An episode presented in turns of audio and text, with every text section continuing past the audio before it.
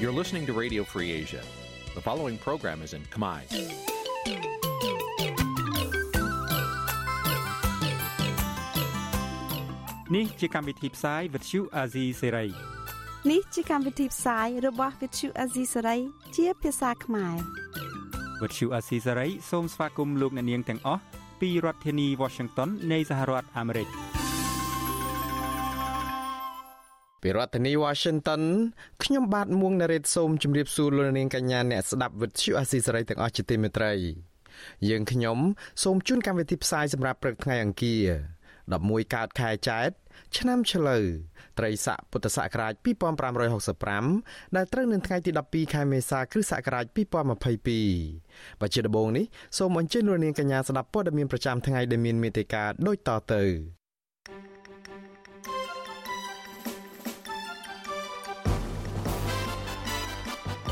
ក្រុមអ្នកវិភាគថានៅក្នុងឆ្នាំខាលនេះកម្លាំងគ្រប់គ្រងរបស់ពលរដ្ឋចង់ឲ្យមានការផ្លាស់ប្ដូរនឹងលទ្ធិប្រជាធិបតេយ្យពិតប្រាកដរឹតតែកើនឡើងមន្ត្រីអង្គការសង្គមស៊ីវិលអំពាវនាវឲ្យប្រជាពលរដ្ឋនិងអាជ្ញាធរចូលរួមកាត់បន្ថយគ្រោះថ្នាក់ដែលកើតពីគ្រឿងស្រវឹងនៅក្នុងពិធីចូលឆ្នាំថ្មីពលរដ្ឋជាច្រើនធ្វើការនៅក្រុងភ្នំពេញវិលទៅលេងចូលឆ្នាំខ្មែរនៅស្រុកកំណើតលោកហ៊ុនសានចេញអនុក្រឹត្យឥតឈប់ឈរកាត់ឈើយកដីបឹងតមោក ឲ្យទៅសាច់ញាតិនិងមនុស្សចំណិតរួមនឹងព័ត៌មានផ្សេងៗមួយចំនួនទៀត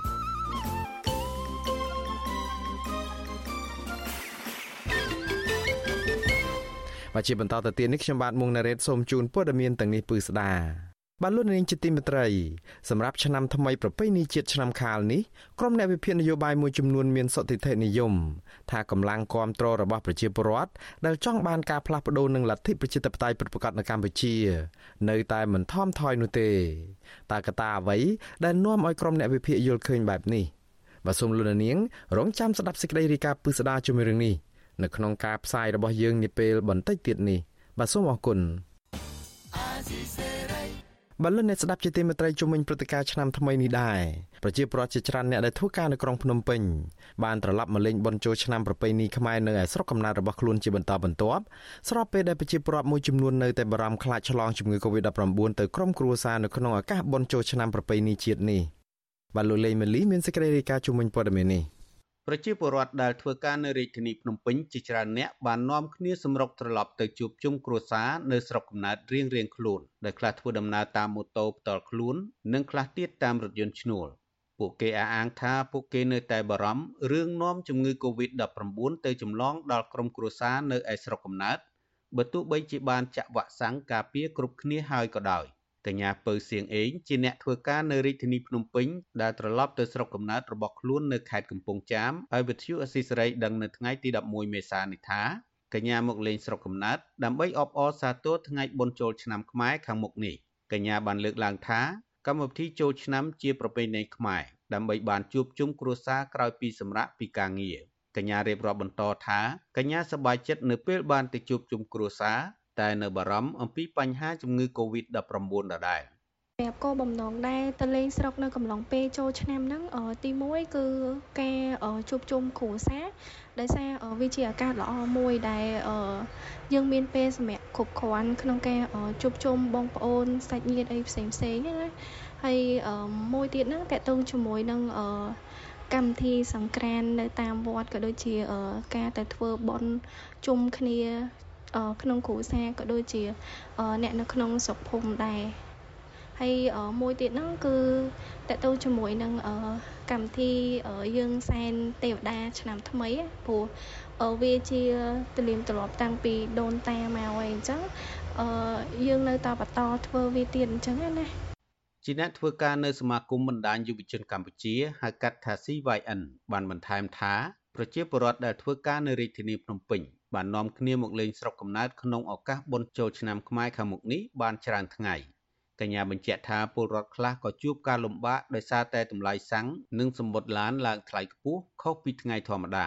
ស្រដៀងគ្នានេះពលរដ្ឋម្នាក់ទៀតមានដើមកំណើតនៅស្រុកកំចាយមៀខេត្តព្រៃវែងមកបម្រើការងារនៅរាជធានីភ្នំពេញលោករ៉ាត់ទីឲ្យដឹងនៅថ្ងៃទី11មេសាថាលោកសប្បាយចិត្តដែលបានមកលេងស្រុកកំណើតនៅថ្ងៃបុណ្យចូលឆ្នាំខាងមុខនេះ ព្រោះវាជារឿងល្អសម្រាប់លោកក៏ដូចជាពលរដ្ឋដទៃទៀតក្រោយពីបានខកខានជួបជុំគ្រួសារតាមបែបប្រពៃណីនេះអស់រយៈពេល2ឆ្នាំមកហើយដោយសារវិបត្តិជំងឺ Covid-19 លោកបន្ថែមថាតែទោះជាយ៉ាងណាលោកនៅតែបារម្ភខ្លាចឆ្លងជំងឺ Covid-19 និងបញ្ហាមួយទៀតគឺសាំងឡើងថ្លៃខណៈដែលទំនិញផ្សេងផ្សេងក៏ឡើងថ្លៃដែលធ្វើឲ្យពលរដ្ឋខ្លះត្បិតត្បៀតក្នុងការចាយវាយ លោកស្នើដល់អាជ្ញាធរនិងរដ្ឋាភិបាលឲ្យជួយសម្រួលដល់ពលរដ្ឋឲ្យមានភាពងាយស្រួលជាងនេះខ្ញុំសនំពោហើយនឹងអឺផ្ដាំផ្ញើថាសូមឲ្យគ្រប់គ្នាមានសុខភាពនិងចេះអធិស្ឋានគ្នាយោគយល់គ្នាហើយសូមឲ្យដំណើរកំសាន្តឆ្នាំថ្មីជួបតែសុខសុវត្ថិភាពហើយនឹងជាផុតឆ្ងាយពីបញ្ហាអ្វីទាំងអស់ហើយកុំភ្លេចការពារខ្លួន កុំភ្លេចឲ្យសោះដូចថាបើទោះជាឥឡូវប្រទេសយើងបានបើកដំណើរការឡើងវិញហើយដូចថាវាធូរស្បើយពី COVID-19 មែនប៉ុន្តែយើងកុំភ្លេចខ្លួនដោយសារតែបើសិនជាបញ្ហានឹងកើតឡើងឡើងវិញក៏យើងពិបាកក្នុងការរស់នៅដែរអញ្ចឹងខ្ញុំគិតថាគ្រប់គ្នានឹងនៅសบายប៉ុន្តែនៅតែដូចថាប្រុងប្រយ័ត្នហើយយើងនៅតែរក្សាកុំឲ្យបញ្ហានឹងកើតឡើងមកវិញហើយជូនពរឆ្នាំថ្មីទាំងអស់គ្នាសុខសប្បាយ ឆ្លើយតបនឹងក្តីបារម្ភនៃការជួបជុំគ្រួសារក្នុងអំឡុងពេលវិបត្តិជំងឺ Covid-19 និងបញ្ហាទំនិញឡើងថ្លៃដូចជាសាំងជាដើមធ្វើឲ្យពលរដ្ឋជួបការលំបាកពេលធ្វើដំណើរមកលេងចូលឆ្នាំអ្នកនាំពាក្យរដ្ឋាភិបាលលោកផៃស៊ីផានសូមអធិស្ឋានដល់សាធារណជន ដែលធ្វើដំណើរមកលេងស្រុកកំណើតខណៈតម្លៃសាំងឡើងថ្លៃនេះលោកបន្ថែមថា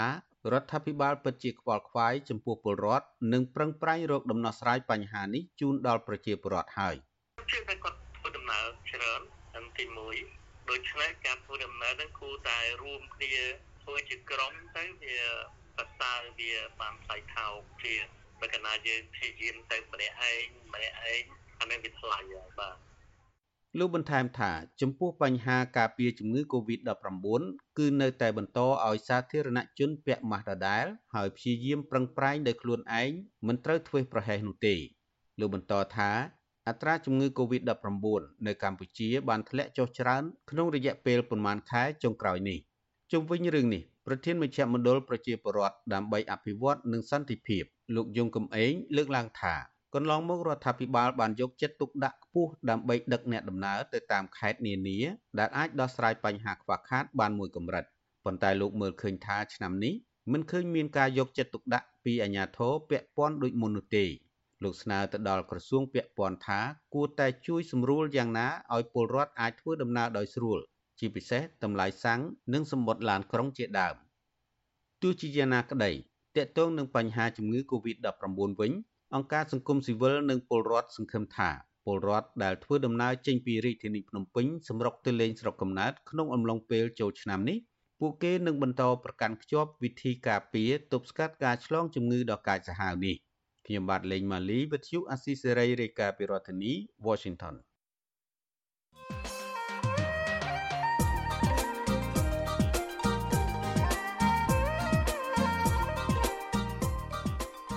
បាទលោកនាងជាទីមេត្រី តាមប្រពៃណីទំនៀមទម្លាប់ចូលឆ្នាំថ្មី ជាពេលវេលាផ្លាស់ពីឆ្នាំចាស់ទៅឆ្នាំថ្មី ជាពេលវេលាជំរុះចោលរឿងរ៉ាវមិនល្អឧបទ្រពចង្រៃអំពើសៅមងមិនគប្បីដែលជាមន្ទិលនៅក្នុងឆ្នាំចាស់ត្រៀមចាំទទួលយកអ្វីៗថ្មីល្អល្អជាសុខសេរី ជាជ័យជោគសុភមង្គល សម្រាប់ឆ្នាំថ្មីក៏ប៉ុន្តែការអាចទទួលបានអ្វីអ្វីដែលល្អទាំងនេះក៏អាស្រ័យទៅលើការតាំងចិត្តនិងទង្វើជាក់ស្ដែងរបស់មនុស្សម្នាក់ម្នាក់ផងដែរដោយសុភាសិតខ្មែរពោលថាធ្វើល្អបានល្អធ្វើអាក្រក់បានអាក្រក់តើអ្វីខ្លះដែលលោកនាងចង់បាន ចង់ឃើញសម្រាប់ឆ្នាំថ្មីនេះដើម្បីឲ្យសង្គមខ្មែរនិងលោកអ្នកនាងដែលជាប្រជាពលរដ្ឋបានទទួលអ្វីដែលល្អជោគជ័យមានសុខសេរីសួស្តីនៅក្នុងឆ្នាំថ្មីនេះ។លោកអ្នកនាងអាចចូលរួមជជែកនិងស្ដាប់ការបកស្រាយរបស់វាគ្មិនយើង អំពីបញ្ហានេះនៅក្នុងវេទិកាអ្នកស្ដាប់វិទ្យុអាស៊ីសេរីនៅយប់ថ្ងៃអង្គារទី12ខែមេសានេះ ប្រសិនបើលោកអ្នកនាងចង់ចូលរួមមតិយោបល់ឬសួរវាគ្មិនរបស់យើងដោយផ្ទាល់សូមលោកអ្នកនាងដាក់លេខទូរស័ព្ទរបស់លោកអ្នកនាងនៅក្នុងខ្ទង់ comment ឬក៏ប្រអប់ផ្ញើសារនៃ Facebook និង YouTube របស់វិទ្យុអាស៊ីសេរីក្រុមការងាររបស់យើងនឹងហៅទៅលោកអ្នកនាងវិញបាទសូមអរគុណ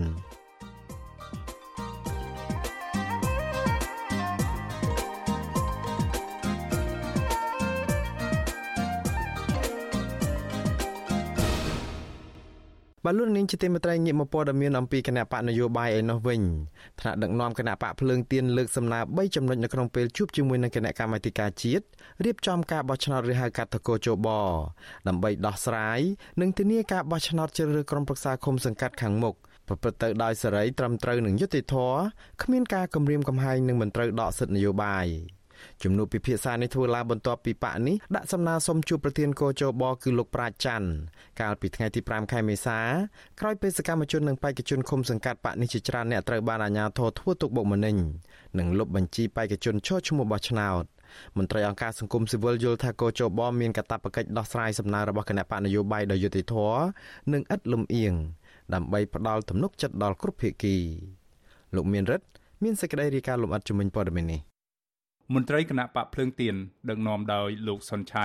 និងប្រតិភូគណៈកម្មាធិការជាតិរៀបចំការបោះឆ្នោតហៅកាត់ថាកោចបដឹកនាំដោយលោកទេមនិថាបានជួបពិភាក្សាបញ្ហាមួយចំនួន នៅទីស្តីការកោចបនៅព្រឹកថ្ងៃទី11ខែមេសា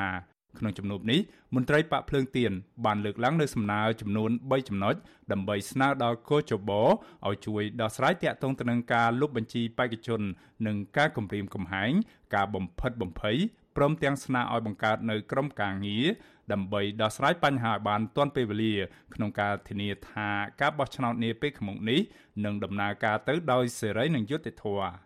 អនុប្រធានគណៈបកភ្លើងទៀនលោកសុនឆៃប្រាវិឈូស៊ីស្រីក្រោយជំនួបនោះថាជំនួបរវាងភាគីទាំងពីរនេះនៅមិនទាន់ទទួលបានលទ្ធផលល្អប្រសើរនៅឡើយទេពីព្រោះភាគីកោចបនៅតែបដិសេធសំណើដាក់បញ្ជីបេក្ខជនថ្មីរបស់គណៈបកភ្លើងទៀន ទាំង11ឃុំសង្កាត់ដែលត្រូវបានកោចបលុបចោលមិនឲ្យចូលរួមនៅក្នុងការបោះឆ្នោតនាពេលខាងមុខនេះក៏ប៉ុន្តែលោកថាស្ថាប័នរៀបចំការបោះឆ្នោតនេះសន្យាថានឹងកែសម្រួលខ្លឹមសារច្បាប់នៅពេលក្រោយតាក់ទងទៅនឹងការលុបបញ្ជីបេក្ខជនគណៈបកនយោបាយនិងសន្យាថានឹងដោះស្រាយករណីគម្រាមកំហែងទៅលើសកម្មជនគណៈបកភ្លើងទៀនបន្ថែមទៀត លោកសុនឆៃរំពឹងថាស្ថាប័នកោចប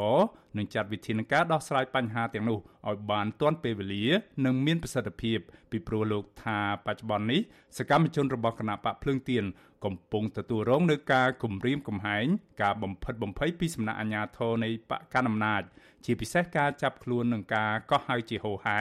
ដូចជានៅខេត្តកំពង់ចាមចំនួន2ករណី ខេត្តពោធិ៍សាត់ចំនួន4ករណីខេត្តព្រៃវែង3ករណីនិងខេត្តបៃលិនចំនួន1ករណីដែលករណីទាំងនេះធ្វើឲ្យពួកគេមិនអាចធ្វើសកម្មភាពនយោបាយស្របតាមច្បាប់បាន ហើយសពដកឃើញពួកនោះធ្វើការងារសកម្មហើយមានប្រសិទ្ធភាពតាមកោះហៅបំផិតបំភ័យជាមួយគ្នានោះទៀតរឿងបានក្រីក្រអីចេះតែគម្រាមបរដ្ឋនោះសំបីតែមកធ្វើជាអ្នកសង្កេតការឲ្យគណៈបកនោះក៏អត់ហ៊ានមកចាឲ្យគាត់តាមវិធានការព្រោះខាងគូជបមានសិទ្ធិដែរដើម្បីបង្កបរិយាកាសល្អដល់ដល់ការបោះឆ្នោតហ្នឹងតើតើនឹងបញ្ហានេះអ្នកនាំពាក្យគណៈកម្មាធិការជាតិរៀបចំការបោះឆ្នោតលោកហងពធា ប្រវិសុយស៊ីស្រីថា គូចបស្វាគមជំនួបជាមួយថ្នាក់ដឹកនាំគណៈបកភ្លើងទៀននៅពេលនេះហើយថាគូចបនឹងយកសំណើទាំងនោះទៅប្រជុំដើម្បីពិនិត្យនិងសម្រេចនាពេលក្រោយចំណាយការសម្រេចលោកបញ្ជីឈ្មោះបេក្ខជនគណៈបកភ្លើងទៀនកាលពីពេលកន្លងមកវិញលោកបញ្ជាក់ថាគូចបមានសិទ្ធិសម្រេចពេញលេញស្របតាមច្បាប់និងផ្អែកលើភ័ស្តុតាងត្រឹមត្រូវ នាមកោជបគឺស្វាគមន៍ទទួលយកនៅរាល់អនុសាសន៍ទាំងឡាយមិនត្រឹមតែជាមួយគណៈបកព្រឹងទៀនទេជាមួយនឹងគណៈបកផ្សេងពីគីពាក់ព័ន្ធផ្សេងទៀតចំពោះរឿងជាមួយនឹងអាជ្ញាធរដែនដីគឺវាហួសដែនសមត្ថកិច្ចរបស់កោជបហើយណាបាទគណៈបកនឹងត្រូវតែធ្វើការងារបន្ថែមជាមួយនឹងអាជ្ញាធរដែនដីពីព្រោះអ្វីដែលកោជបសង្កេតឃើញកន្លងមកអាជ្ញាខ្លះគឺការមិនយល់គ្នាកាលពីថ្ងៃទី4ខែមេសាគណៈបកភ្លើងទៀនបានចេញសេចក្តីថ្លែងការណ៍មួយសោកស្ដាយ ចំពោះកោជបដែលបានសម្រេចលុបបញ្ជីឈ្មោះបេក្ខជនរបស់គណៈបកនេះសរុបចំនួន11ឃុំសង្កាត់នៅទូទាំងប្រទេសមិនឲ្យចូលរួមប្រកួតប្រជែងនៅក្នុងការបោះឆ្នោតក្រុមប្រឹក្សាឃុំសង្កាត់អាណត្តិទី5នេះគណៈបកនេះចាត់ទុកសេចក្តីសម្រេចនេះថាគឺជារឿងអយុត្តិធម៌និងធ្វើឡើងតាមទំនោរនយោបាយដោយមិនបានអនុវត្តតាមច្បាប់ឲ្យបានត្រឹមត្រូវនិងពុំបានស៊ើបអង្កេតឲ្យបានច្បាស់លាស់នោះទេ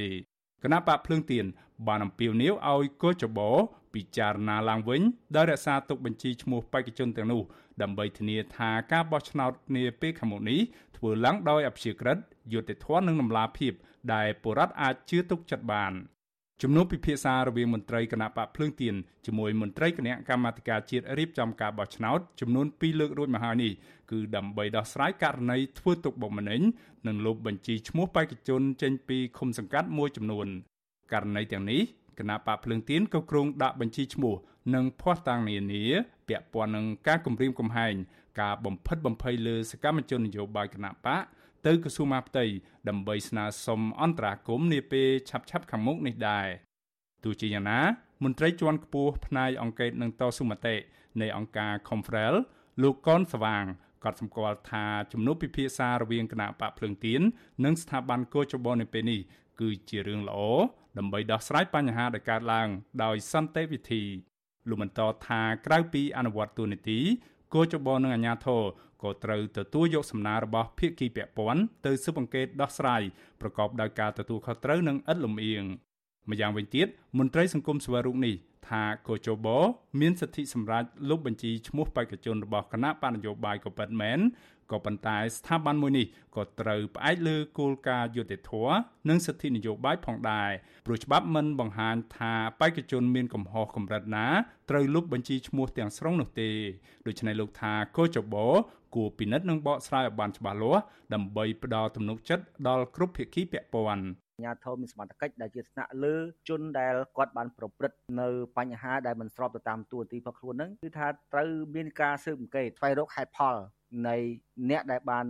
លើកឡើងអំពីបញ្ហាហ្នឹងនេះគឺជាចំណុចសំខាន់ណាស់ដែលត្រូវស្ថាប័នអ្នកធមមានសមត្ថកិច្ចក៏ដូចជាស្ថាប័នកោយបោត្រូវធ្វើការដោះស្រាយហ្នឹងបាទ រហូតមកទល់ពេលនេះសកម្មជននិងបេក្ខជនឈរឈ្មោះរបស់ក្រុមប្រឹក្សាឃុំសង្កាត់គណៈបកភ្លើងទៀនចំនួន4នាក់ហើយត្រូវបានអាជ្ញាធររដ្ឋាភិបាលលោកហ៊ុនសានចាប់ខ្លួនដាក់ពន្ធនាគារនិងមួយចំនួនទៀតត្រូវកោះហៅពីបទញុះញង់ក្លែងបន្លំឯកសារសាធារណៈនិងប្រើប្រាស់ឯកសារក្លែងនិងរួមគំនិតក្បត់ ទន្ទឹមនឹងនេះសកម្មជននិងបេក្ខជនគណៈបកភ្លើងទៀនមួយចំនួនទៀតក៏ទទួលរងនឹងការធ្វើទុកបុកម្នេញការបំបាក់ស្មារតីពីសំណាក់អាជ្ញាធរនិងជនមិនស្គាល់មុខស្ទើរតែគ្រប់រូបភាពបើទោះបីជារដ្ឋាភិបាលបានណែនាំឲ្យអាជ្ញាធរមានសមត្ថកិច្ចទាំងនោះត្រូវបង្កបរិយាកាសសម្រាប់ការបោះឆ្នោតខាងមុខនេះឲ្យបានប្រព្រឹត្តទៅដោយល្អនិងគ្មានការធ្វើទុកបុកម្នេញលើសម្លេងប្រឆាំងយ៉ាងណាក៏ដោយក្តី ការបោះឆ្នោតជ្រើសរើសក្រុមប្រឹក្សាឃុំសង្កាត់នៅថ្ងៃទី5ខែមិថុនាឆ្នាំនេះមានគណៈបណ្ឌនយោបាយចំនួន17គណៈបកបានដាក់បេក្ខជនដើម្បីត្រៀមចូលរួមប្រកួតប្រជែងនៅក្នុងការបោះឆ្នោតនេះ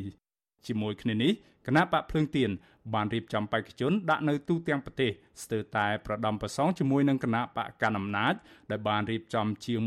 1600ឃុំសង្កាត់នៅទូទាំងប្រទេស គណៈបកភ្លើងទៀនដែលបដូរឈ្មោះពីគណៈបកសំរងស៊ីនេះរងនឹងការធ្វើទុកបុកម្នេញច្រើនជាងគេពីសំណាក់អាជ្ញាធរមូលដ្ឋាន នៅក្នុងចំណោមគណៈបកនយោបាយទាំងអស់ខ្ញុំបាទមេរិត Visual C ស្រីរាយការណ៍ពីរដ្ឋធានី Washington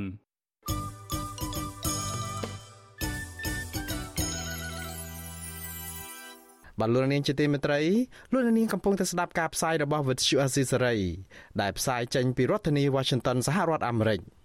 ក្រៅពីការស្ដាប់កម្មវិធីផ្សាយរបស់យើងតាមរយៈបណ្ដាញសង្គម Facebook និង YouTube លោកអ្នកនាងក៏អាចស្ដាប់កម្មវិធីផ្សាយរបស់ Vuthu Azisery ដែលផ្សាយដំណើរគ្នាតាមរលកធារកាសខ្លីឬក៏ Shortwave ដូចតទៅនេះពេលព្រឹកចាប់ពីម៉ោង5កន្លះដល់ម៉ោង6កន្លះ តាមរយៈរលកធារកាសខ្លី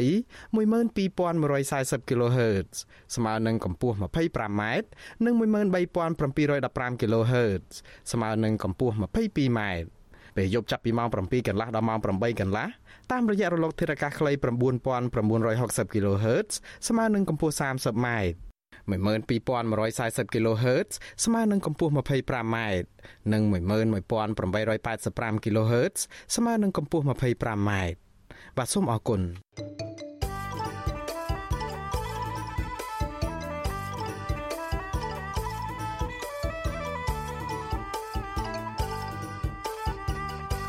បាទលោកនាងជាទីមេត្រី ពិធីបុណ្យចូលឆ្នាំខ្មែរប្រពៃណីជាតិកាន់តែគៀកពលរដ្ឋខ្មែរតែងតែនាំគ្នាទៅលេងស្រុកកំណើតជួបជុំក្រុមគ្រួសារសាច់ញាតិបងប្អូនយ៉ាងសប្បាយរីករាយក៏ប៉ុន្តែក្រុមស្ត្រីថ្ងៃសក់វិញបែរជាពោពេញដោយសេចក្តីទុក្ខសោកនៅក្នុងចិត្ត ដោយសារតែស្វាមីរបស់ពួកគាត់ ដែលជាសកម្មជនគណបកប្រឆាំងបន្តជាប់ពន្ធនាគារនៅក្នុងរឿងនយោបាយក្រុមស្ត្រីទាំងនេះមានប្រមាណ10នាក់បន្តតវ៉ានៅមុខស្ថានទូតម៉ាឡេស៊ីនៅក្នុងក្រុងភ្នំពេញដើម្បីឲ្យរដ្ឋាភិបាលម៉ាឡេស៊ីជួយអន្តរាគមន៍ដោះលែងសមាជិកគ្រួសាររបស់ពួកគាត់វិញបាទលោកសនចាន់រដ្ឋារាយការណ៍ជុំវិញព័ត៌មាននេះក្រមស្ត្រីថ្ងៃសុកនៅថ្ងៃទី11ខែមេសាបាននាំគ្នាតវ៉ានៅមុខស្ថានទូតម៉ាឡេស៊ីជាថ្មីទៀតដើម្បីតាមដានញត្តិរបស់ពួកគាត់ ដែលស្នើឲ្យឯកអគ្គរដ្ឋទូតម៉ាឡេស៊ីលោក Eldin Hosseini Mohasim អន្តរាគមន៍ទៅរដ្ឋាភិបាលកម្ពុជាឲ្យដោះលែងសមាជិកគ្រួសាររបស់ប្រព័ន្ធដែលកំពុងជាប់ឃុំក្នុងពន្ធនាគារដោយអយុធធរអស់ច្រើនខែមកហើយក្រមស្ត្រីទៅនេះខកចិត្តយ៉ាងខ្លាំងចំពោះមន្ត្រីស្ថានទូតម៉ាឡេស៊ីដែលនៅតែមិនចេញមកសួរនាំប្រព័ន្ធគណៈប្រព័ន្ធបានតវ៉ានិងដាក់ញត្តិជាលើកទី4ទៅហើយប្រពន្ធសកម្មជនគណៈបកប្រឆាំងលោកសុនធនគឺលោកស្រីសេងចន្ទថនបានប្រាវិទ្យាអាស៊ីសេរី ថាបំណងសំខាន់នៃការតវ៉ានេះដើម្បីតាមដានញត្តិរបស់ប្រព័ន្ធថាតើបានដកដៃឯករាជ្យទូតម៉ាឡេស៊ីហើយឬនៅ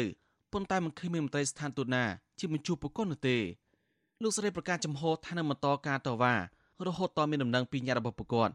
ដែលទាមទារឲ្យប្រទេសសមាជិកហត្ថលេខី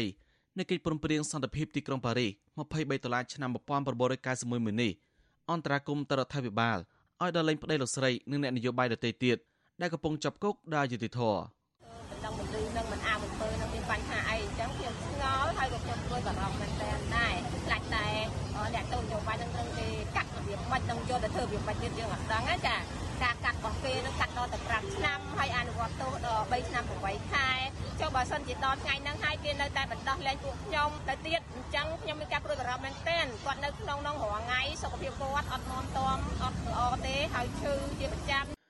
ក្រមស្ត្រីទៅនេះ ពាក់អាវយឺតពណ៌សតាំងរូបសកម្មជនគណបកប្រឆាំងដែលកំពុងជាប់ពន្ធនាគារដោយប្រកាសបានលើកបដាសរសេរជាភាសាខ្មែរនិងភាសាអង់គ្លេសដោយភ្ជាប់ពាក្យស្លោកថាយុទ្ធធរត្រូវតែមានដល់អ្នកស្នេហាជាតិជាដាច់ខាតរីឯសមាជិកក្រុមភ្នំពេញជាចាស់អ្នកបានដាក់ពង្រីកខ្លមមើលក៏ប៉ុន្តែពុំមានការប៉ះទង្គិចដោយហិង្សាទេហើយពួកគាត់បានត្រឡប់ទៅផ្ទះវិញនៅម៉ោង11ព្រឹកថ្ងៃដដែល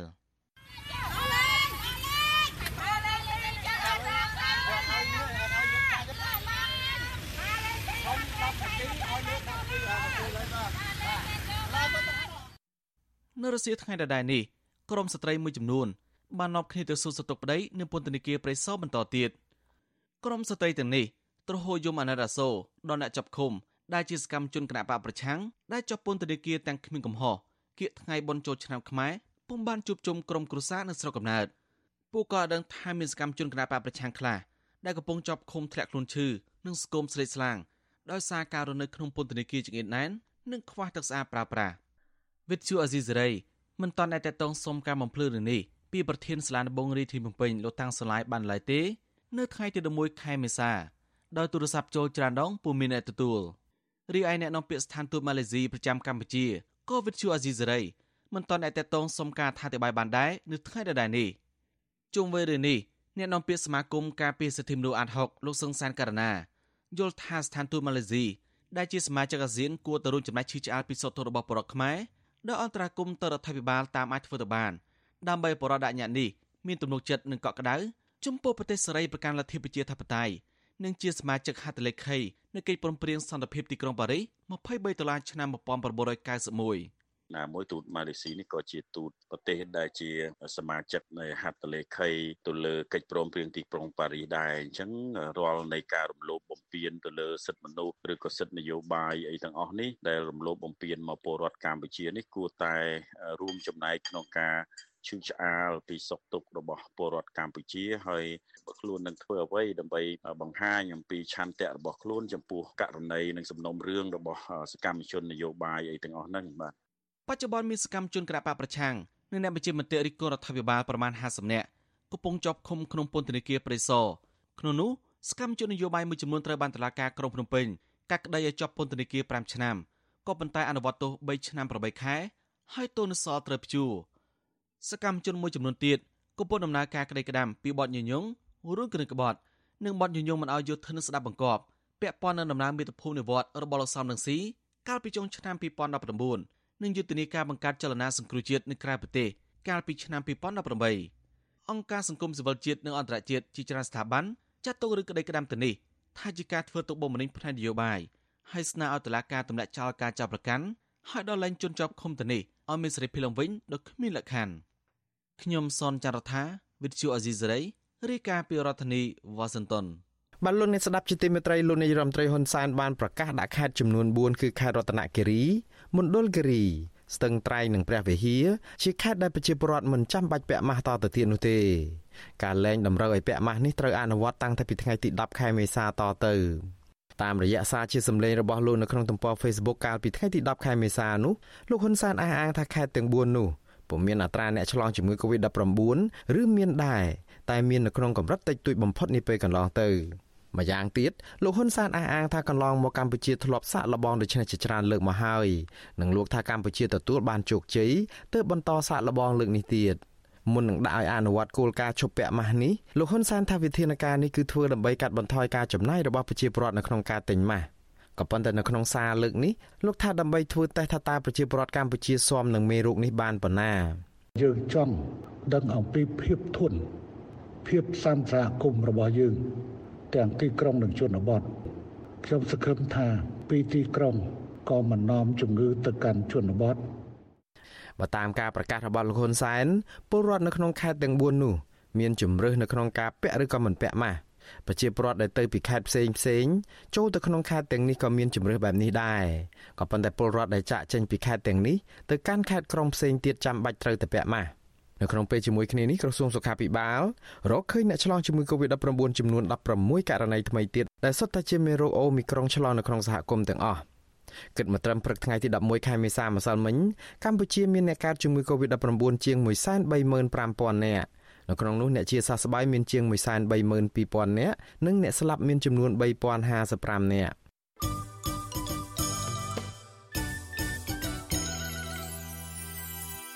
បាទលោកនាងជាទីមេត្រី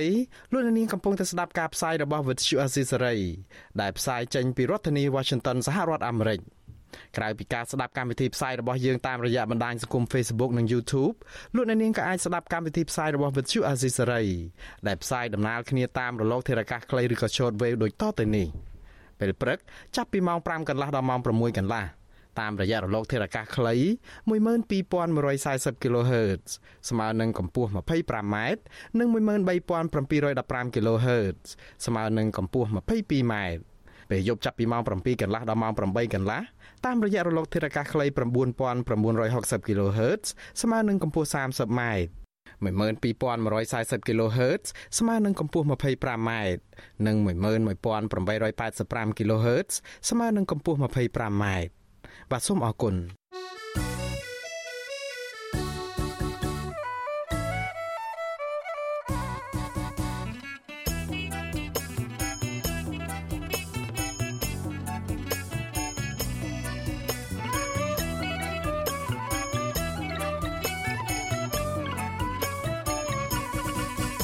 បាទលោកនាងជាទីមេត្រីរីឯរឿងជ្រៀកដីបឹងតមោកចែកមនុស្សនៅក្នុងបកកណ្ដាលអំណាចឯណោះទៅវិញ ក្រមមន្ត្រីក្រមឈ្មួញដែលស្និទ្ធនឹងលោកនាយរដ្ឋមន្ត្រីហ៊ុនសែនព្រមទាំងសាច់ញាតិរបស់លោកផងកំពុងតែទទួលបានដីរាប់រយហិកតាពីការលុបបឹងតមោកអ្នកធ្វើការងារផ្នែកបរិស្ថានថារដ្ឋាភិបាលមិនបានបង្ហាញព័ត៌មានទូលំទូលាយនិងបង្ហាញដំណាភាពពាក់ព័ន្ធនឹងការផ្ដាល់ដីបឹងធម្មជាតិនេះទេ ដែលអាចជាប់ពាក់ព័ន្ធនឹងអំពើពុករលួយនិងគ្រួសារនិយម។ លើសពីនេះក្រុមអ្នកការពារបរិស្ថានថាការចេញអនុក្រឹត្យឥតឈប់ឈររបស់លោកហ៊ុនសែនដែលកាត់ជ្រៀលដីបឹងធម្មជាតិដ៏ស្រស់ស្អាតចុងក្រោយនេះនឹងបណ្ដាលឲ្យប៉ះពាល់ដល់បរិស្ថានជីវិតមនុស្សនិងសត្វដែលពឹងអាស្រ័យផលលើបឹងធម្មជាតិមួយនេះទៀតផងអ្នកស្រីម៉ៅសុធានីមានសេចក្តីរាយការណ៍ជុំវិញព័ត៌មាននេះមន្ត្រីឈ្មួញនិងសាច់ញាតិរបស់លោកនាយករដ្ឋមន្ត្រីហ៊ុនសែនទទួលបានដីកាលុបបឹងតាមុកយ៉ាងហោចណាស់ជិត900ហិកតា អ្នកទាំងនោះភាគច្រើនជាមេប៉ូលីសមេទាហាន មន្ត្រីរដ្ឋាភិបាលក្រុមឈ្មួញដែលស្និទ្ធនឹងលោកហ៊ុនសែននិងសាច់ញាតិរបស់លោកផ្ទាល់តែម្ដងអ្នកទាំងនោះរួមមានប្អូនស្រីបង្កើតរបស់លោកហ៊ុនសែនគឺអ្នកស្រីហ៊ុនសេនីទទួលបានដី20ហិកតា អគ្គមេបញ្ជាការនៃកងយុទ្ធពលខេមរៈភូមិន្ទលោកវងពិសេនអគ្គមេបញ្ជាការរងនៃកងយុទ្ធពលខេមរៈភូមិន្ទនិងជាមេបញ្ជាការកងរាជអាវុធហត្ថលើផ្ទៃប្រទេសលោកសៅសុខាហើយនិងមន្ត្រីយោធាជាន់ខ្ពស់មួយចំនួនទៀតក៏បានដីបឹងជាង36ហិកតាឈ្មួញដែលស្និទ្ធនឹងលោកហ៊ុនសែនគឺអង្គញាកុកអាន បានចំណែកដីបឹងតមោកនេះចំនួន155ហិកតា លោកកុកអាន គឺជាសមាជិកប្រតិភិននៃគណៈបកប្រជាជនកម្ពុជា និងជាថៅកែក្រុមហ៊ុនថ្នាំជក់ក្រុមហ៊ុនផ្គត់ផ្គង់អគិសនីនិងបនលបៃនៅតំបន់ប៉ោយប៉ែតខេត្តបន្ទាយមានជ័យលោកហ៊ុនសែនក៏បានកាត់ផ្ទៃបឹងចំនួន100ហិកតាទៀតប្រកាសទៅឲ្យអ្នកស្រីជឹងធិនសេង ជាប្អូនស្រីបង្កើតរបស់ឈ្មួញរកស៊ីដីសម្បូររឿងអាស្រូវនៅស្រុកខ្មែរម្នាក់គឺអ្នកស្រីជឹងសុភាពហើយយាយភូ ក្រៅពីនេះបុគ្គលឯកជនឈ្មោះអ៊ុយបូរី និងគង់សុធីទទួលបានដីជិត200ហិកតាក្រុមហ៊ុនសិនចិនមូនិងលោកស្រីស៊ុយសាផានអតីតម្ចាស់ក្រុមហ៊ុនផានអ៊ីមិចដែលបានស្លាប់ទៅហើយនោះក៏ទទួលបានដីម្នាក់ប្រមាណ45ហិកតា ចំណែកលោកស្រីជាសុផាម៉ាដែតដែលជាកូនត្រីលោកជាសុផារ៉ារដ្ឋមន្ត្រីក្រសួងរៀបចំដែនដីក៏បានចំណែកដីបឹងតមុកនេះ ទំហំជាង10ហិកតានោះដែរប្តីរបស់លោកត្រីជាសភាម្ដែតឈ្មោះយឹមលៀងគឺជាបងប្អូនបង្កើតរបស់លោកស្រីយឹមឆៃលីនដែលជាប្រពន្ធរបស់លោកហ៊ុនម៉ាណីកូនប្រុសរបស់លោកហ៊ុនសែន បន្ថែមពីនេះលោកហ៊ុនសែនក៏បានឲ្យដីទៅភរិយារបស់ឧត្តមសេនីយ៍ផ្កាយ2នៃអង្គភាពកងទ័ពពិសេសឆាត់យោងង70លោកភឿងផល្លា គឺលោកស្រីសាយសុភាចំនួន75ហិកតាដែរចំណែកបុគ្គលឯកជនមួយចំនួនទៀតរួមមានលោកត្រីអ៊ុំបុផាទទួលបានផ្ទៃបឹងតមោកជាង200ហិកតាលោកស្រីឈូសុកយូក៏បានទទួលដីជាង65ហិកតា ចាសកម្មជនបរិស្ថានលោកថនរដ្ឋាដែលធ្លាប់ជាប់ពន្ធនាគារដោយសាររឿងរិះគន់ការលុបបឹងតមោកនេះបារម្ភថាវាសនាបឹងតមោកអាចនឹងត្រូវបាត់បង់ទៅតែទាំងស្រុងដូចជាបឹងទំពុននិងបឹងជើងឯកនោះដែរសកម្មជនបរិស្ថានរូបនេះយល់ឃើញថាការដែលបុគ្គលទទួលបានដីនេះ ភាគច្រើនជាមន្ត្រីជាឈ្មួញដែលស្និទ្ធនឹងលោកហ៊ុនសែនឬក៏ជាសាច់ញាតិរបស់លោកនេះដូច្នេះនឹងធ្វើឲ្យមានការសង្ស័យថាករណីនេះជាប់ពាក់ព័ន្ធនឹងអំពើពុករលួយនិងការចាត់ចែងទ្រព្យសម្បត្តិរដ្ឋគ្មានតម្លាភាព ទោះបីជាលក់ឬក៏ជួលថាតើលក់ក្នុងតម្លៃប្រមាណបើសិនជាជួលថាតើជួលក្នុងតម្លៃប្រមាណរយៈពេលប្រមាណឆ្នាំអីចឹងជាដើមប៉ុន្តែយើងយើងហាក់បីដូចជាមិនឃើញមានព័ត៌មានទាំងអស់ហ្នឹងក្រៅតែពីគេហៅថាលិខិតដែលសម្រេចពីការកាត់បង់ទៅឲ្យអ្នកនេះអ្នកនោះចឹងហើយសូម្បីតែខ្ញុំក៏នៅមានមន្ទិលដែរយើងបារម្ភថាអាចមានករណីខុបខិតគ្នាជាប្រព័ន្ធឬក៏ការប្រព្រឹត្តអំពើពុករលួយយើងមិនដឹងថារបស់ទ្រព្យសម្បត្តិសាធារណៈរបស់យើងហ្នឹងតើបានប្រើប្រាស់ចំគោលដៅឬក៏គេហៅថាជាប្រយោជន៍សម្រាប់ពួកយើងទាំងអស់គ្នាដែរឬក៏អត់បឹងតមោកដើរតួនាទីសំខាន់ជាអាងស្តុកទឹកធម្មជាតិនិងជាទីអាស្រ័យសម្រាប់សត្វស្លាបជាច្រើនប្រភេទបឹងនេះគឺជាបឹងធំចុងក្រោយគេបង្អស់របស់ក្រុងភ្នំពេញដែលមានទំហំសរុបជាង3000ហិកតាលាតសន្ធឹងលើសង្កាត់ចំនួន6នៅខណ្ឌព្រែកភ្នៅ និងខណ្ឌសែនសុខ គេហទំព័រអង្គការសមាគមធៀងថ្នោតបានចុះផ្សាយថារដ្ឋាភិបាល បានកាត់ផ្ទៃបឹងតមោកអស់ជាងពាក់កណ្ដាលហើយគិតត្រឹមចុងឆ្នាំ2021រដ្ឋាភិបាលបានបែងចែកកាត់ដីនេះជាពីរផ្នែកគឺកាត់ទៅឲ្យស្ថាប័នសាធារណៈនិងសម្រាប់វិស័យឯកជន។ ការកាត់ដីបឹងសម្រាប់ស្ថាប័នសាធារណៈរដ្ឋាភិបាលបានផ្ដល់ទៅឲ្យក្រសួងឬអង្គភាពរបស់រដ្ឋចំនួន11ស្ថាប័នដើម្បីសាងសង់អគាររួមមានក្រសួងមហាផ្ទៃសាលារាជធានីភ្នំពេញអគ្គស្នងការដ្ឋាននគរបាលជាតិក្រសួងយុតិធធសាលារាជធានីភ្នំពេញ និងក្រសួងសុខាភិបាលជាដើម។ ប៉ុន្តែក្នុងនោះក្រសួងមហាផ្ទៃនៅពេលដែលបានទទួលដីនេះมันបានសាងសង់អគារទេក៏ប៉ុន្តែយកដីលក់ដោយលើកហេតុផលថាយកលុយទៅបង្ក្រប់សម្រាប់សាងសង់ទីស្តីការក្រសួងមហាផ្ទៃនៅលើទីតាំងចាស់ចំណែកឯវិស័យឯកជនមានបុគ្គលចំនួន22នាក់បានទទួលដីបឹងធម្មជាតិមួយនេះការកាត់ដីបឹងជាង4ឆ្នាំមកនេះធ្វើឲ្យរដ្ឋាភិបាលចេញអនុក្រឹត្យកែប្រែផ្ទៃបឹងតមោកចំនួន43លើក ជុំវិញបញ្ហានេះអ្នកនាំពាក្យរដ្ឋាភិបាលលោកផៃសិផានឲ្យវិទ្យុអសីស្រីដឹងថាបុគ្គលដែលទទួលបានដីនេះព្រោះគេបានទិញដីពីម្ចាស់ដើមឬក៏ទិញដីតតគ្នាលោកអះអាងថាមុនពេលដែលរដ្ឋាភិបាលចេញអនុក្រឹត្យផ្ដល់ដីឲ្យបុគ្គលទាំងនោះគឺត្រូវធ្វើតាមដំណាក់កាលនិងមានស្ថាប័នពាក់ព័ន្ធរបស់រដ្ឋវិតម្លៃពីផលប៉ះពាល់ត្រឹមត្រូវ ទោះយ៉ាងណាលោកថាលោកមិនបានដឹងពីការកាត់ដីនេះបង្កឲ្យមានការបណ្ដឹងចេញបរដ្ឋពីលំនៅឋាននោះឡើយគឺការទិញដូរនោះគេទិញពីប្រជាពលរដ្ឋដំណាក់កាលទី1ដល់ដំណាក់កាលទី2គេសុំខ្វៀលគេហៅពីបច្ចេកទេសប្រធានកម្មពីរដ្ឋាភិបាលបានសេខ្វៀលបានគេផ្ដល់ដីដែលខ្វៀលនឹងដល់ ផ្ដល់សិទ្ធិដីសម្រាប់តែអាស្រ័យផលដល់យើងយកទៅប្រើប្រាស់ទៅការអភិវឌ្ឍឬប្រើប្រាស់អីតទៅទៀតហ្នឹងគឺគេធ្វើបាតកម្មមួយជាន់ទៅទៀតណាតកតងការលើកឡើងរបស់លោកផៃសិផានបែបនេះប្រធានគម្រោងសិទ្ធិលំនៅឋាននិងត្រាវជ្រាវនៃអង្គការសមាគមធៀងថ្នោតលោកសៀងមួយឡៃនិយាយថាផ្ទៃបឹងនេះគួរតែរក្សាទុកដើម្បីបម្រើប្រយោជន៍សាធារណៈ លោកបន្តទៀតថាការកាត់ដីបឹងនេះកំពុងបង្កើតភាពអយុត្តិធម៌ដោយបរិវត្តក្រីក្ររស់នៅមាត់បឹងជាង200គ្រួសារត្រូវប្រឈមការបណ្តេញចេញប៉ុន្តែក្រមឈ្មួញនិងក្រមមន្ត្រីបែរជាត្រូវបានរដ្ឋាភិបាល កាត់ដីនៅកណ្ដាលបឹងឲ្យពួកគេទៅវិញលោកបន្តថាការកាត់ដីបឹងឲ្យបុគ្គលមួយចំនួន ក្រោមហេតុផលថាពួកគេកាន់កាប់ដីនោះក៏មិនត្រឹមត្រូវតាមច្បាប់នោះដែរ។ កន្លែងនេះខ្ញុំគិតថាពេលខ្លះវាដូចជាអត់សមទៅនឹងណាសមទៅនឹងក្នុងថាផ្ទៃទឹកដែលមានជម្រៅ2 3ម៉ែត្រហើយមានទឹកជាប្រចាំវាមិនគួរណាដែលមានមនុស្សកាន់កាប់ហើយបើសិនជាមានការកាន់កាប់ហើយអនុញ្ញាតឲ្យកាន់កាប់អានឹងវាមានតែជារឿងខុសច្បាប់ហើយអានឹងបើរឿងខុសកាន់កាប់ខុសច្បាប់ទោះបីជាយើងកាន់កាប់ហ្មងក៏យើងអាចខ្លាយទៅជាកម្មសិទ្ធិបានដែរហើយបើសិនជាយោងទៅលើមូលហេតុហ្នឹងគិតថាដូចជាមិនត្រឹមត្រូវទេ របាយការណ៍របស់អង្គការសមាគមធៀងថ្នោតឲ្យដឹងថាមានបរិវត្តក្រីក្រជិត300គ្រួសារដែលកំពុងរស់នៅនិងអាស្រ័យផលនៅបឹងតាមុកពួកគេភ័យច្រើនប្រកបរបរនេសាទចិញ្ចឹមត្រីដាំឈូកដកប្រលិតបេះត្រកួនធ្វើស្រែចម្ការនិងលក់ដូរតាមផ្ទះបន្តិចបន្តួចក្រៅពីមនុស្សហើយនោះបឹងនេះក៏មានត្រីនិងសត្វស្លាបជាច្រើនប្រភេទរស់នៅផងដែរ អ្នកធ្វើការងារផ្នែកបរិស្ថានបារម្ភថាការបន្តលុបបឹងតាមុក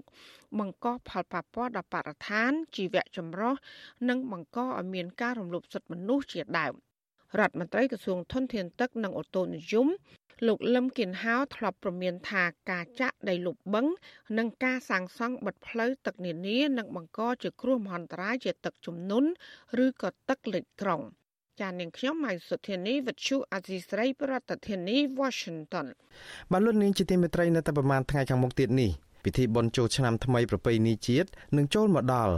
ដែលជាពេលវេលាប្រជាពលរដ្ឋទូទាំងប្រទេសបានជួបជុំគ្រួសារនិងមិត្តភ័ក្តិអបអរឆ្នាំថ្មី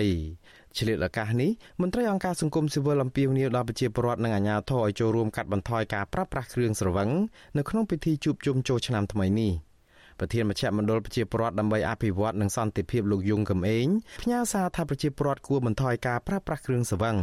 ដោយងាកមកគិតពីផលប៉ះពាល់ឬគ្រោះថ្នាក់បង្កដោយគ្រឿងស្រវឹងនេះចំណែកអាជ្ញាធរវិញពួកគេគួរតែបញ្ឈប់ការទទួលអំណោយគ្រឿងស្រវឹងពីក្រុមហ៊ុនផលិតឬក៏ចែកចាយគ្រឿងស្រវឹងនេះលើពីនេះរដ្ឋាភិបាលគួរតែបង្កើតច្បាប់គ្រប់គ្រងគ្រឿងស្រវឹងប្រសិនបើរដ្ឋាភិបាលយកចិត្តទុកដាក់អំពីសិលធម៌សន្តិសុខសង្គមនិងសុវត្ថិភាពតាមដងផ្លូវនិងអាយុជីវិតរបស់ប្រជាពលរដ្ឋមែននោះ។ សូមលោកនាងស្ដាប់បទសម្ភាសន៍រវាងអ្នកស្រីសុជីវី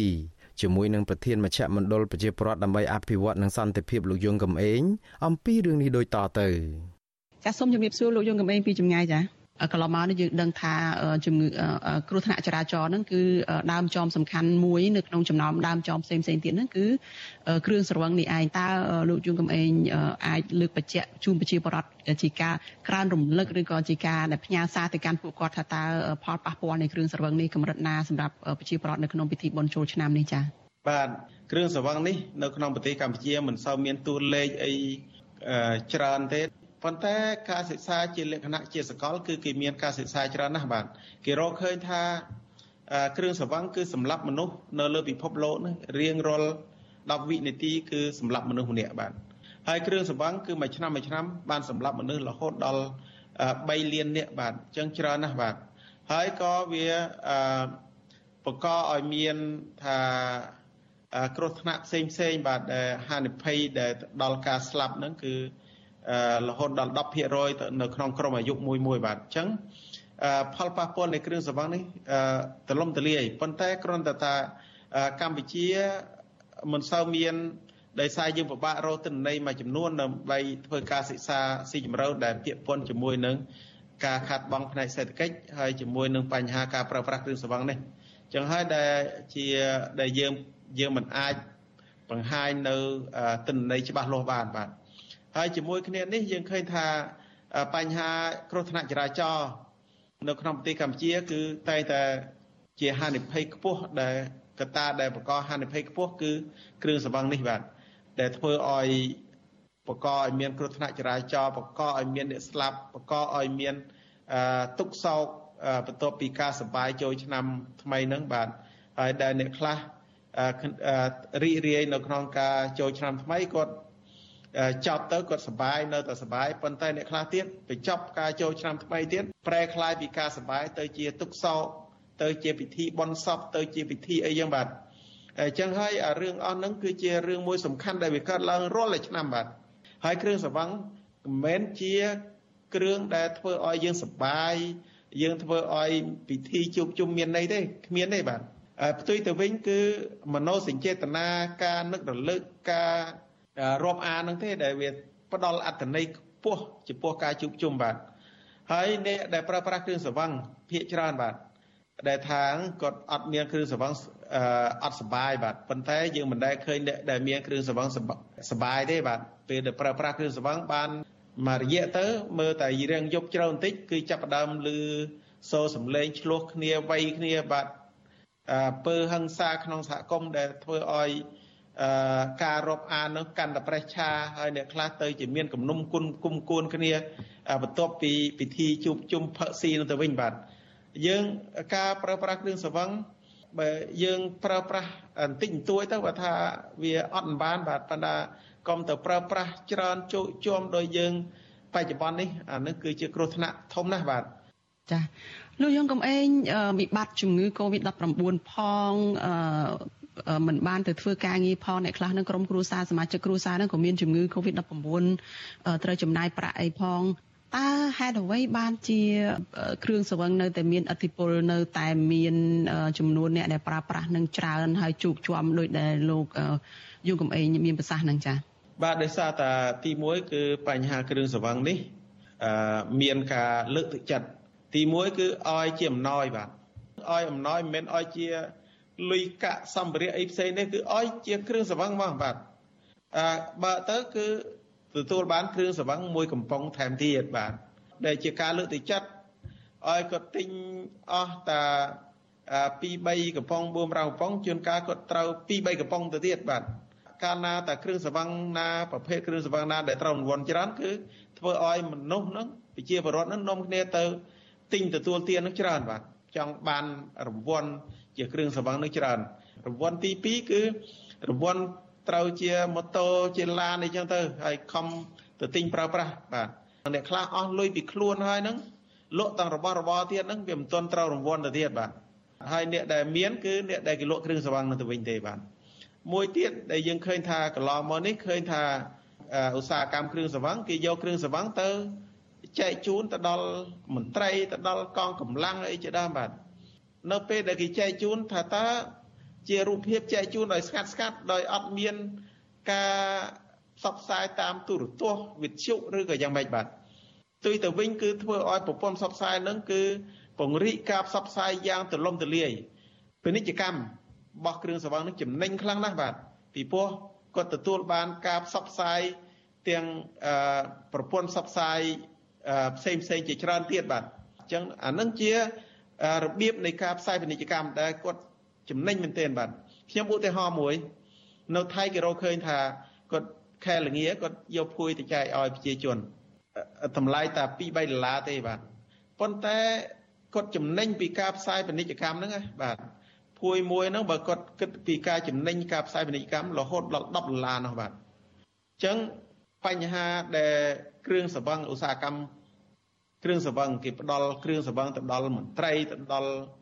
អ្នកមុខអ្នកការណាមួយហ្នឹងមិនមែនបានន័យថាគេខាតទេបាទគេចំណេញណាស់បាទហើយគេបានផ្សារភ្ជាប់រូបភាពមន្ត្រីជនខ្ពស់មួយចំនួនហ្នឹងទៀតបាទតាមខេត្តតាមអីហ្នឹងថាអឺជាខេត្តជាមន្ត្រីដែលគ្រប់គ្រងទៅដល់ផលិតផលរបស់គេអញ្ចឹងទៅបាទកន្លងមកខ្ញុំធ្លាប់ឃើញក្រសួងមហាផ្ទៃ អឺណែនាំថាមិនអោយយករូបភាពមន្ត្រីទៅផ្សារភ្ជាប់អីទាំងអស់ហ្នឹងបាទប៉ុន្តែខ្ញុំនៅតែឃើញមានបញ្ហានេះនៅតែកើតឡើងបាទអញ្ចឹងខ្ញុំថាតើមន្ត្រីនោះនឹងចូលរួមផ្សាយពាណិជ្ជកម្មគ្រឿងសង្វឹងឲ្យគេដោយ ដោយគេមិនបាច់ចំណាយលុយមួយសេនបាទចំពោះលោកយើងកំឯងចាខ្លីចុងក្រោយនឹងថាតើគួរធ្វើម៉េចដើម្បីកាត់បន្ថយគ្រឿងស្រវឹងនឹងចាបាទទី1គឺយើងមានច្បាប់ដើម្បីគ្រប់គ្រង ផលិតផលគ្រឿងស្រវឹងបាទហើយកន្លងមកយើងឃើញថាច្បាប់ស្ដីពីការគ្រប់គ្រងផលិតផលគ្រឿងស្រវឹងនេះគឺមានបញ្ហាចម្រូងចម្រាសបាទដោយសារតែអ្នកធ្វើគោលនយោបាយនៅតែយល់ថារដ្ឋនឹងបាត់បង់ចំណូលបើសិនជាមាន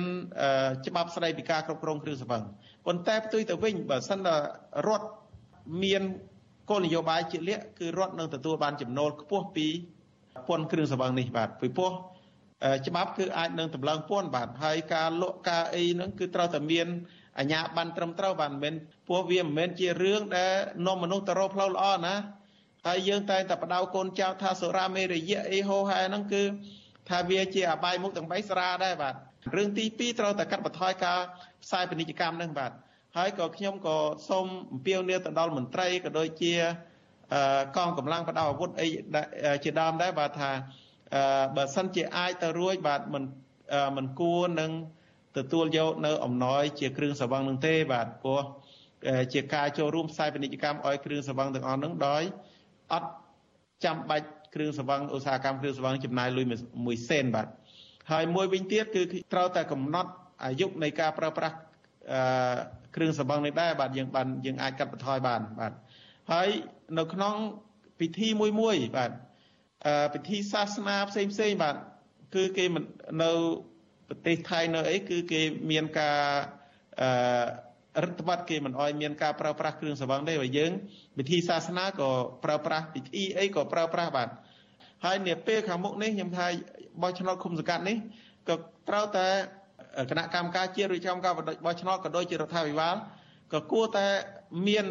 វិធានការនៅក្នុងការហាមឃាត់ ការប្រើប្រាស់នៅក្នុងគ្រឿងសង្វឹងនៅថ្ងៃសថ្ងៃបោះឆ្នោតដែរបាទជាបន្តទៀតនេះជារឿងមួយសំខាន់ណាស់ដើម្បីកាត់បន្ថយចំនួនអនយោបាយផ្សេងផ្សេងដែរបាទឬបើចង់លើកកម្ពស់បញ្ហាគោលនយោបាយភូមិឃុំមានសុវត្ថិភាពចាំបាច់ត្រូវតែកាត់បន្ថយការប្រើប្រាស់គ្រឿងសង្វឹងបាទ អរគុណច្រើនលោកយ៉ងកំឯងចាដែលបានផ្ដល់ការសម្ភាសចាជំរាបលាលោកត្រឹមប៉ុណ្ណេះចាបាទលោកនាងជាទីមេត្រីលោកនាងទើបបានស្ដាប់បទសម្ភាសរវាងអ្នកស្រីសុជីវីជាមួយនឹងប្រធានមជ្ឈមណ្ឌលប្រជាពលរដ្ឋដើម្បីអភិវឌ្ឍនិងសន្តិភាពលោកយងកំឯងដែលអំពាវនាវដល់ប្រជាពលរដ្ឋនិងអាជ្ញាធរចូលរួមកាត់បន្ថយគ្រោះថ្នាក់ដែលកើតពីគ្រឿងស្រវឹងនៅក្នុងពិធីចូលឆ្នាំថ្មី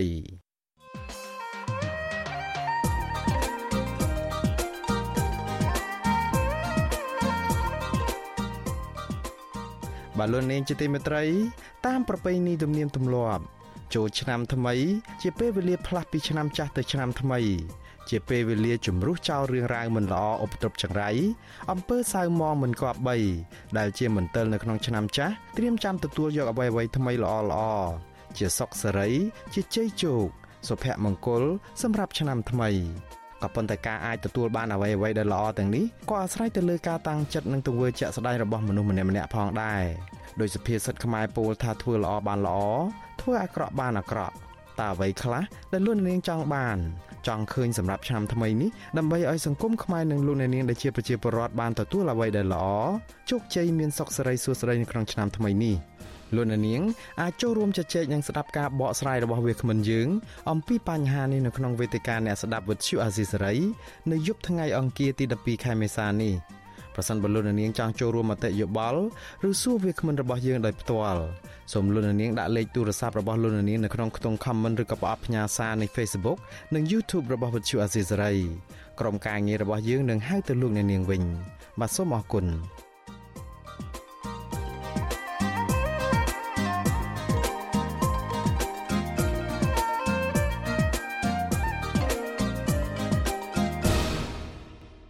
បលូននាងជាទីមេត្រីសម្រាប់ឆ្នាំថ្មីប្រពៃណីជាតិឆ្នាំខាលនេះក្រុមអ្នកវិភាគនយោបាយមួយចំនួនមានសុទ្ធិធិនិយមថាកម្លាំងគ្រប់គ្រងរបស់ប្រជាពលរដ្ឋដែលចង់បានការផ្លាស់ប្ដូរនឹងលទ្ធិប្រជាធិបតេយ្យពិតប្រាកដនៅកម្ពុជា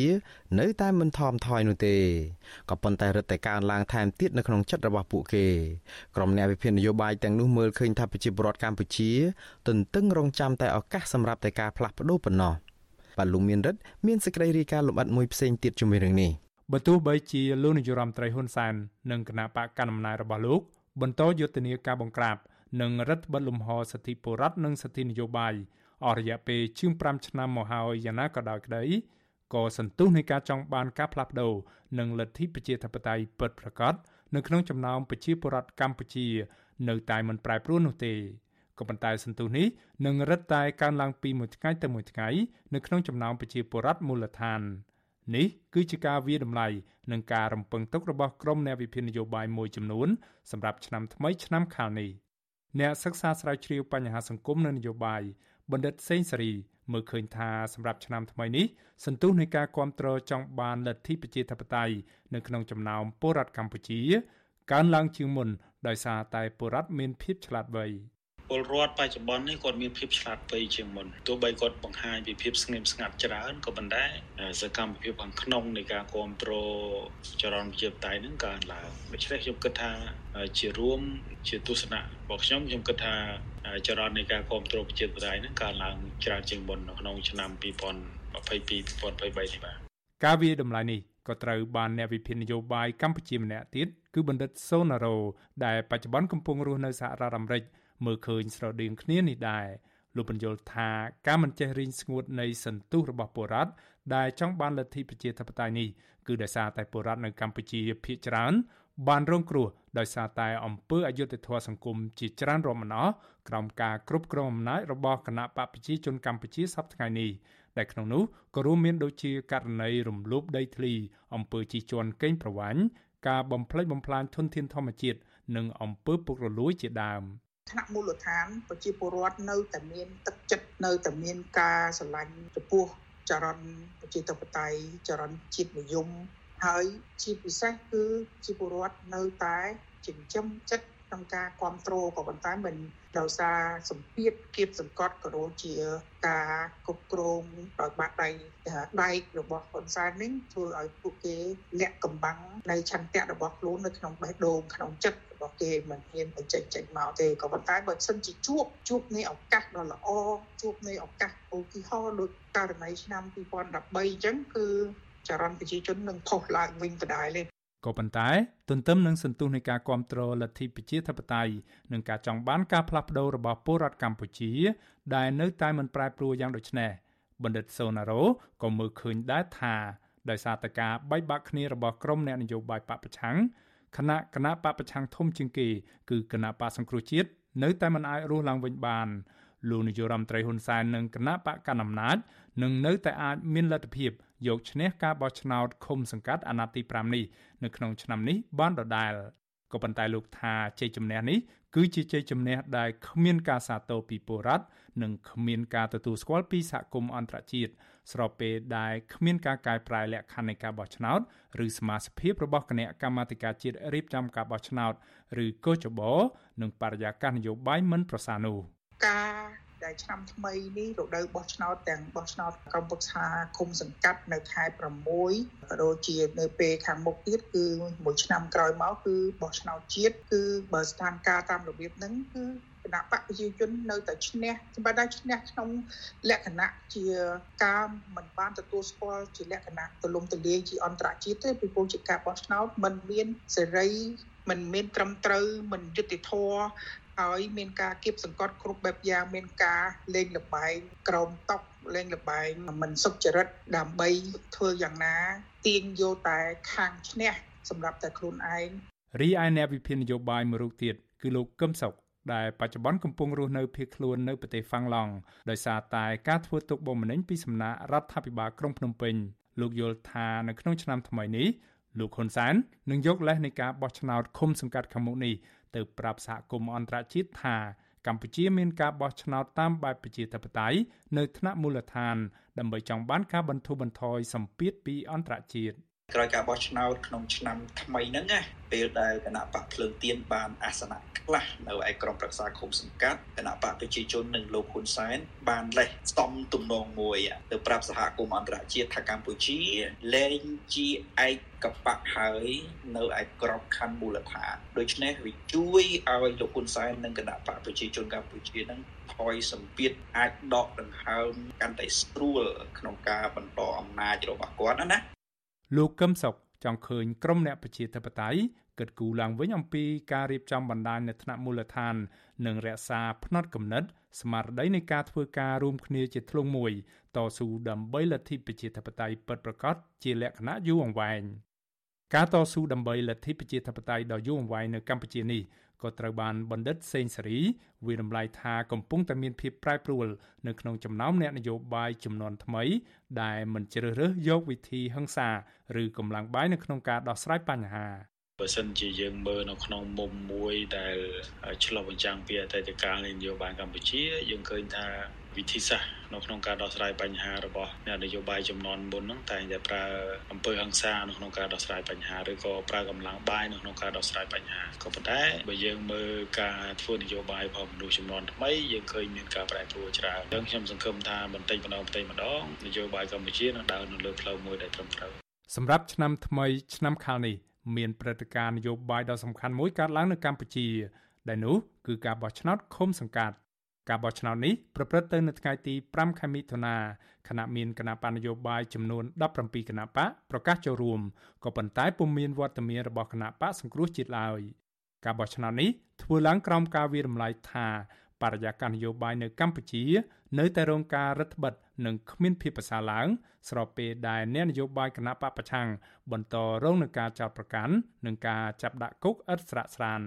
ទន្ទឹមនឹងនេះគណៈកម្មាធិការជាតិរៀបចំការបោះឆ្នោត នៅតែរងការរិះគន់ថាខ្វះភាពឯករាជ្យពុំអព្យាក្រឹតនិងជាឧបករណ៍ចាំប្រថាប់ត្រាឲ្យគណៈបកកណ្ដាលអំណាចដោយសារតែសមាជិកជាន់ខ្ពស់របស់កោចបោសុទ្ធសឹងតែជាមនុស្សរបស់បកកណ្ដាលអំណាចនិងគ្មានតំណាងមកពីគណៈបកប្រឆាំងឬសង្គមស៊ីវិលនោះឡើយខ្ញុំបាទមេរិត Visual C ស្រីរាយការណ៍ពីរដ្ឋធានី Washington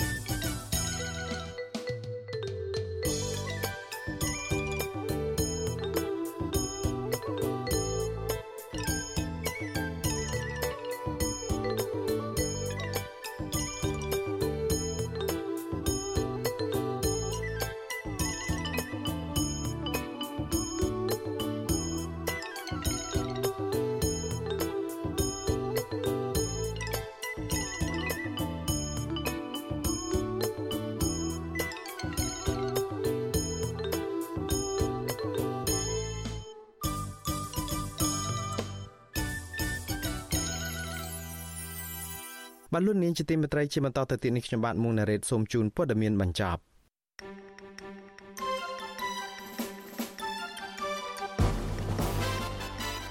ក្រុមអ្នកវិភាគនយោបាយមួយចំនួនមានសតិធិនិយមថាកម្លាំងគ្រប់គ្រងរបស់ប្រជាពលរដ្ឋ ដែលចង់បានការផ្លាស់ប្ដូរនឹងលទ្ធិប្រជាធិបតេយ្យពិតប្រាកដនៅកម្ពុជា នៅតែមិនថមថយនោះទេក៏ប៉ុន្តែរឹតតែកើនឡើងថែមទៀតនៅក្នុងចិត្តរបស់ពួកគេក្រុមអ្នកវិភាគនយោបាយទាំងនោះមើលឃើញថាប្រជាពលរដ្ឋកម្ពុជាទន្ទឹងរង់ចាំតែឱកាសសម្រាប់តែការផ្លាស់ប្ដូរប៉ុណ្ណោះប្រជាពលរដ្ឋជាច្រើនអ្នកដែលធ្វើការនៅក្រុងភ្នំពេញ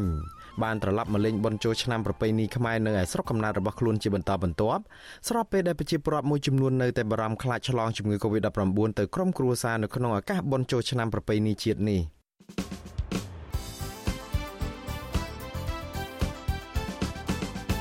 បលុននាងកញ្ញាអ្នកស្ដាប់ជាទីមេត្រីការផ្សាយរយៈពេល1ម៉ោងជាភាសាខ្មែររបស់វិទ្យុអាស៊ីសេរីនៅពេលនេះចប់តែប៉ុណ្ណេះយើងខ្ញុំសូមជូនពរដល់លោកនាងព្រមទាំងក្រុមគ្រួសារទាំងអស់ ឲ្យជួបប្រកបតែនឹងសេចក្តីសុខចម្រើនរុងរឿងកុំបីឃ្លៀងឃ្លាតឡើយខ្ញុំបាទមួងណារ៉េតព្រមទាំងក្រុមការងារទាំងអស់នៃវិទ្យុអាស៊ីសេរីសូមអរគុណនិងសូមជម្រាបលា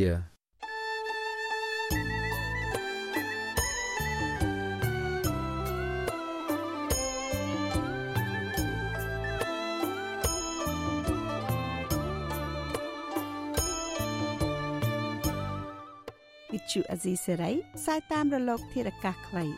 ឬ shortwave តាមកម្រិតនិងកម្ពស់ដូចតទៅនេះ ពេលព្រឹកចាប់ពីម៉ោង5កន្លះដល់ម៉ោង6កន្លះតាមរយៈរលកធាតុអាកាសខ្លី